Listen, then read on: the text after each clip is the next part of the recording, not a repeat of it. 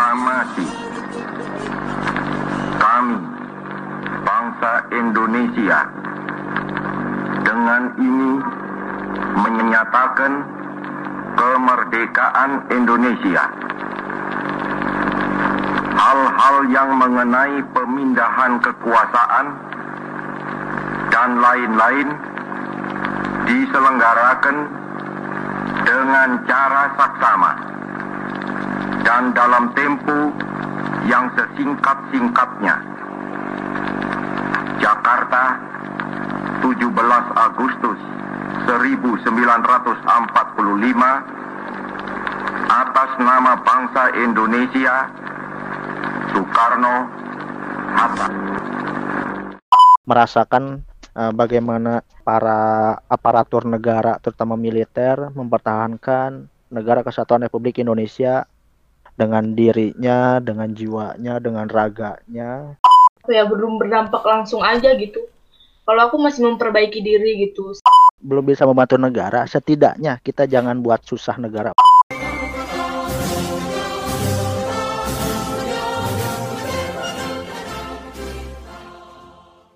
Assalamualaikum warahmatullahi wabarakatuh. Waalaikumsalam. Waalaikumsalam warahmatullahi wabarakatuh. Merdeka. Weh. Merdeka. Dirgahayu Republik Indonesia yang ke-75. Eh, selamat juga atas kemerdekaan Indonesia yang ke-75. Di podcast kali ini ini podcast yang tidak biasa, kita biasa biasa tayang setiap hari Rabu kita untuk episode spesial ini kita tayang di hari Senin tanggal 17 Agustus 2020 dengan saya Ismail Saya Randy. Saya Anisatun. Saya Nurulillah Harahap. Oke hari ini kita mau ngomongin apa nih ya Merdeka. tentang kemerdekaan nih Tentang kemerdekaan terutama kita sebagai orang yang uh, sebagai para penerus ya, sebagai pemuda-pemuda uh, apa sih yang udah teman-teman lakukan yang sebenarnya itu berdampak positif untuk kehidupan berbangsa dan bernegara.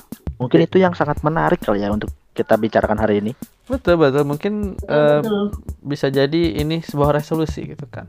Nah, kalau dari teman-teman nih misalkan kan kita ada ada frasa jangan tanya apa yang sudah negara berikan padamu tapi tanya apa yang sudah kamu berikan pada negara gitu kan. Nah, itu Frasa dia. bijak itu, frasa bijak. Nah, kalau dari teman-teman Itu kata-kata kata-kata yang dikeluarkan oleh Muhammad Hatta waktu Presiden Indonesia yang kedua. betul. Jadi sekarang saya tanya nih balik teman-teman. Jadi apa nih yang sudah teman-teman lakukan mungkin buat negara hal sekecil, sederhana, gak perlu yang kayak oh saya misalkan sudah eh, mengubah ideologi oh jangan yang kayak gitu-gitu. Yang sederhana-sederhana. Oh, itu itu itu jangan sampai lah kayak gitu. Gitu gak boleh kita mengubah ideologi. Oke. Dari teman-teman nih, apa sih yang sudah teman-teman lakuin nih selama ini untuk yang eh, apa untuk negara kalian gitu? Apa sih? Dari Bro Randy? Kalau dari saya ah, kebetulan kalau uh, saya SD, SMP, SMK mungkin ya itu gak pernah tertarik dengan namanya organisasi dan tertarik organisasi itu pada saat eh, perkuliahan karena suasana organisasi di perkuliahan itu berhubungannya langsung dengan rakyat ya. Ah, bahkan ada kata-kata bahwa mahasiswa itu adalah penyambung lidah rakyat. Ini dari saya, saya di kampus itu mengikuti sebuah organisasi intra yang ah, sebagai di mana organisasi di kampus itu dia disebut organisasi tertinggi terutama untuk organisasi kemahasiswaan dan juga saya masuk organisasi eh, kegiatan kampus seperti resimen mahasiswa contohnya dan di situ kita belajar mengenai bagaimana kita caranya bela negara merasakan eh, bagaimana para aparatur negara terutama militer mempertahankan negara kesatuan Republik Indonesia dengan dirinya, dengan jiwanya, dengan raganya, terutama dengan militerisasi. Saya belajar di situ bagaimana susahnya mempertahankan kemerdekaan Indonesia, bagaimana susahnya kita mempertahankan ideologi negara kita yaitu Pancasila. Nah, mungkin itu akan sangat berdampak bagi kehidupan saya. Kenapa? Setidaknya dengan saya mengikuti itu, saya bisa merasakan dan mengetahui apa yang harus saya lakukan. Memang eh, sebagai rakyat sipil saat ini kita tidak diharuskan untuk memegang senjata untuk mempertahankan negara Indonesia ini. Tapi kita bisa mempertahankan negara Indonesia bahkan mengembangkan dan membuat negara ini lebih maju dengan cara mengaplikasikan apa yang telah kita pelajari, mempelajari apa yang kita senangi dan kita mengamalkan apa yang harusnya orang lain tahu dan orang lain harus tahu itu. Mungkin Wih. itu. Dan juga dan juga terutama harus ditanamkan dalam diri bahwa negeri ini tidak butuh orang-orang yang hanya memberikan harapan, tapi negeri ini membutuhkan orang-orang yang memberikan dampak, terutama dampak untuk dirinya sendiri dan yang paling besar adalah dampak untuk negeri tercinta ini. Mungkin itu sih. Wih, keren tepuk tangan dong. Wis mantap. Uh, plus luar biasa nih ya dari satu, seorang yang eh, pemuda yang sangat uh, dan sekali ya. iya Mungkin ah, ya itu contoh nih ah, contoh sedikit lah. Itu contoh sedikit lah. Mungkin kalau contoh banyaknya mungkin dari teman-teman. Mungkin dari eh Kak Lila mungkin silahkan Kak Lila.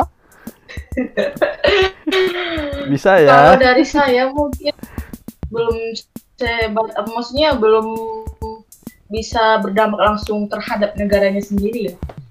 Tapi kalau dari saya sebelum kita eh, apa setidaknya kalau misalkan kita nggak ngasih eh, dampak yang terbaik buat negara, eh, kita bisa ngasih dampak yang terbaik buat diri kita yang akan bisa membantu kita untuk eh, mencoba atau apa ya semakin berbuat baik lagi untuk eh, nanti berdampak terhadap negaranya.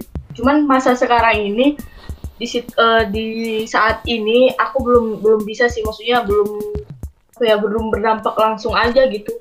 Kalau aku masih memperbaiki diri gitu. Setidaknya kalau misalkan aku tidak bisa eh, membuat bangga negara, setidaknya aku tidak bisa tidak ber, ber- tidak apa ya?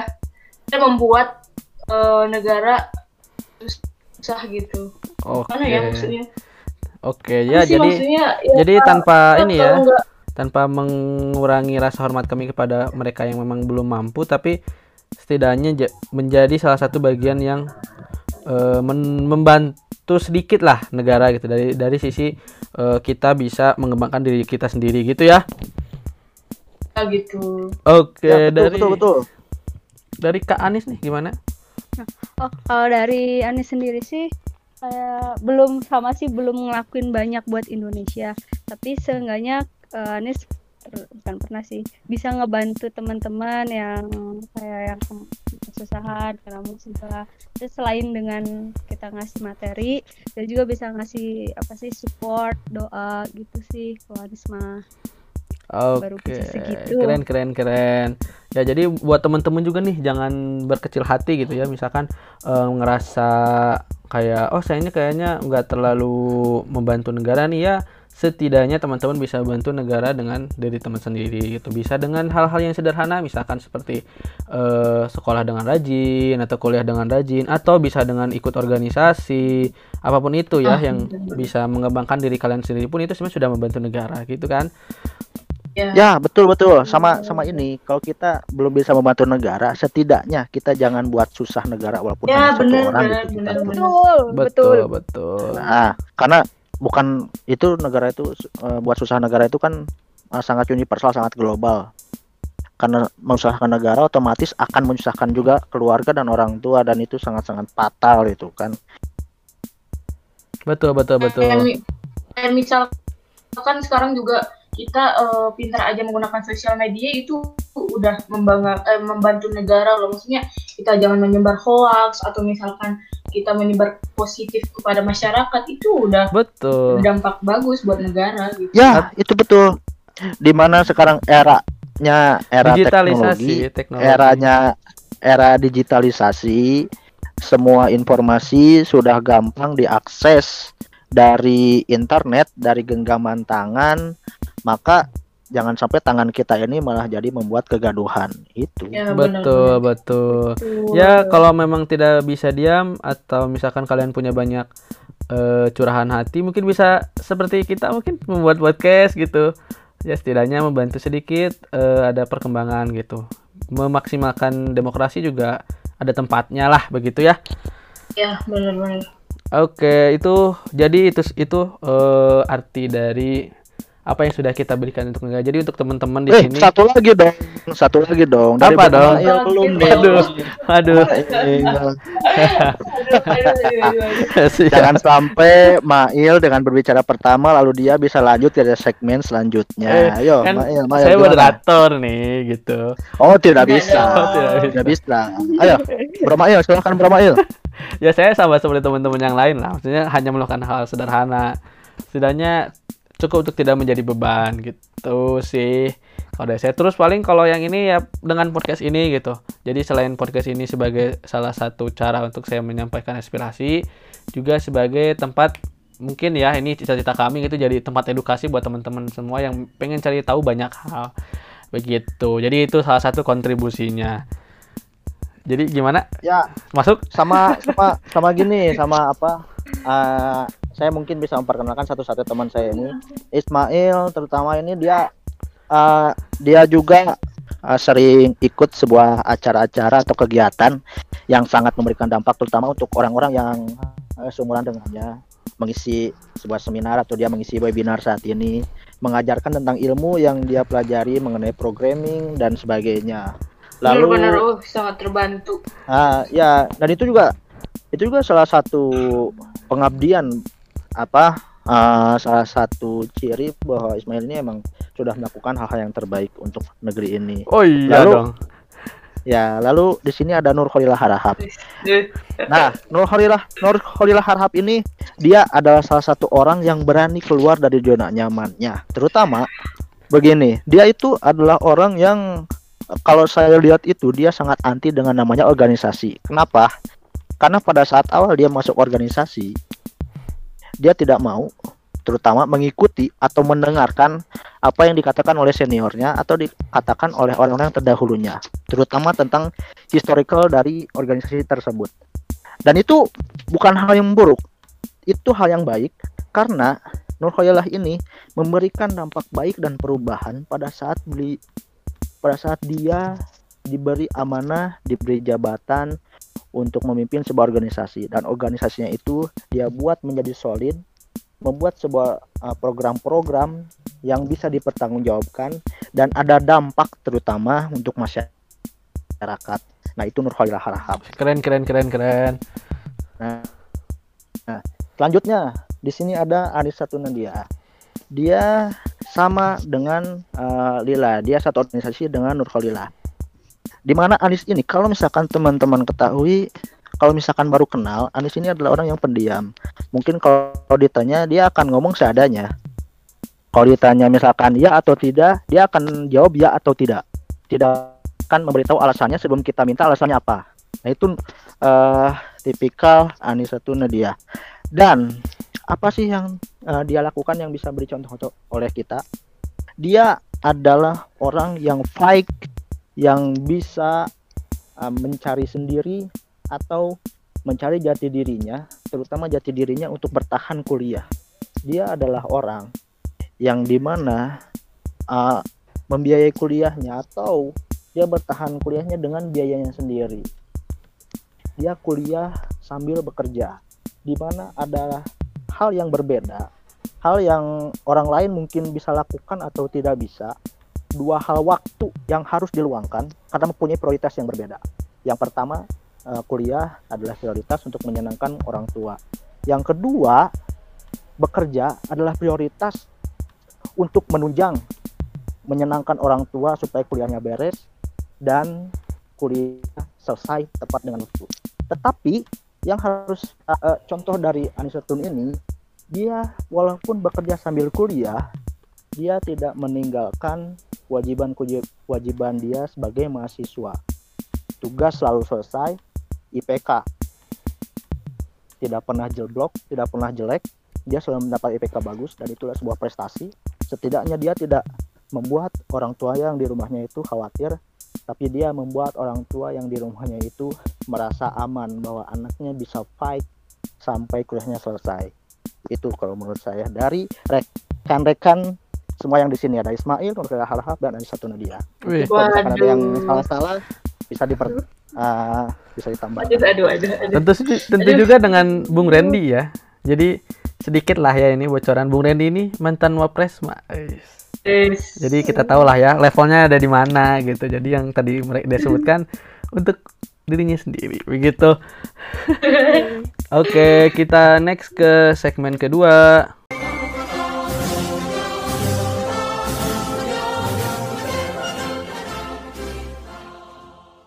Oke, di segmen kedua ini eh, di usia kemerdekaan Indonesia yang ke-75 ini eh, mungkin dari teman-teman nih eh, harapannya apa sih atau negara Indonesia seperti apa yang kalian inginkan nih di, di usia kemerdekaan yang 75 ini?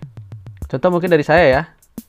Kalau dari saya saya Oke. pengen eh, Indonesia ini jadi negara yang mereka eh, mengedepankan eh, ilmu pengetahuan gitu. Itu dari saya ya, kalau dari sisi saya. Kalau dari teman-teman nih apa? Kalau dari saya pengennya eh, Indonesia ini eh, rakyatnya semakin eh, solid, makanya eh, lama jangan semakin ke sini semakin eh, Indonesia umurnya udah 75 sekarang jangan gara-gara hal sedikit bisa membuat ricuh eh, masyarakatnya maksudnya terbelah dua atau gimana gitu tetap bersatu buat Indonesia gitu. Nah, bersatu. Jangan solid ya, bersatu. bersatu Ya. Dari dari, Oh, dari Anis coba dari Anis. Kalau dari Ani sih harapannya tuh pinginnya tuh Indonesia ini tuh generasi mudanya tuh lebih menghargai Indonesianya sendiri, jangan kebanyakan ngejudge negaranya sendiri. Mantap It's true, bagus itu. satu kalimat. Dari Bung Rin, Bung Ren, Bung Ren. Sa kalau saya sih simpel sebenarnya. Ya pinginnya Indonesia ini tuh saling menghargai. Kalau misalkan kita mau mengkritik, ya kritiklah sesuai data dan fakta. Kalau kita mau mendukung, ya mendukunglah sepenuh hati, jangan setengah-setengah. Dan juga untuk eh, sumber daya manusianya, eh, kita tingkatkan masing-masing personal dalam diri, kemampuan dalam diri, karena suatu saat mungkin 20 tahun ke depan lah ya pemimpin-pemimpin negeri ini akan dipimpin oleh angkatan angkatan kita gitu yang usianya sekarang usia 20 ataupun 30 tahun. Gitu sih. Paling lebih harapannya orang-orang ataupun untuk para pemuda yang senior memberi dukungan kepada yang muda yang muda menghargai yang senior. Jangan sampai gini. Yang muda senang berinovasi tapi yang senior malah mencaci maki jangan sampai kayak gitu lah Oke. Jadi begitu ya teman-teman pendengar semua. Jadi semoga di usia yang ke-75 ini Indonesia menjadi negara yang bersatu, juga cerdas dan juga mampu menyukai atau mampu bangga dengan identitas mereka yaitu negara Republik Indonesia. Oke, terima kasih untuk podcast kali ini Ya. yang singkat. Tidak seperti biasanya, kemudian juga eh, Jangan lupa juga tetap dengerin podcast kami di hari Rabu Duet Maut setiap hari Rabu jam 20.00. Eh, terima kasih. Wassalamualaikum warahmatullahi wabarakatuh. Waalaikumsalam Waalaikumsalam warahmatullahi wabarakatuh. Selamat tahun Indonesia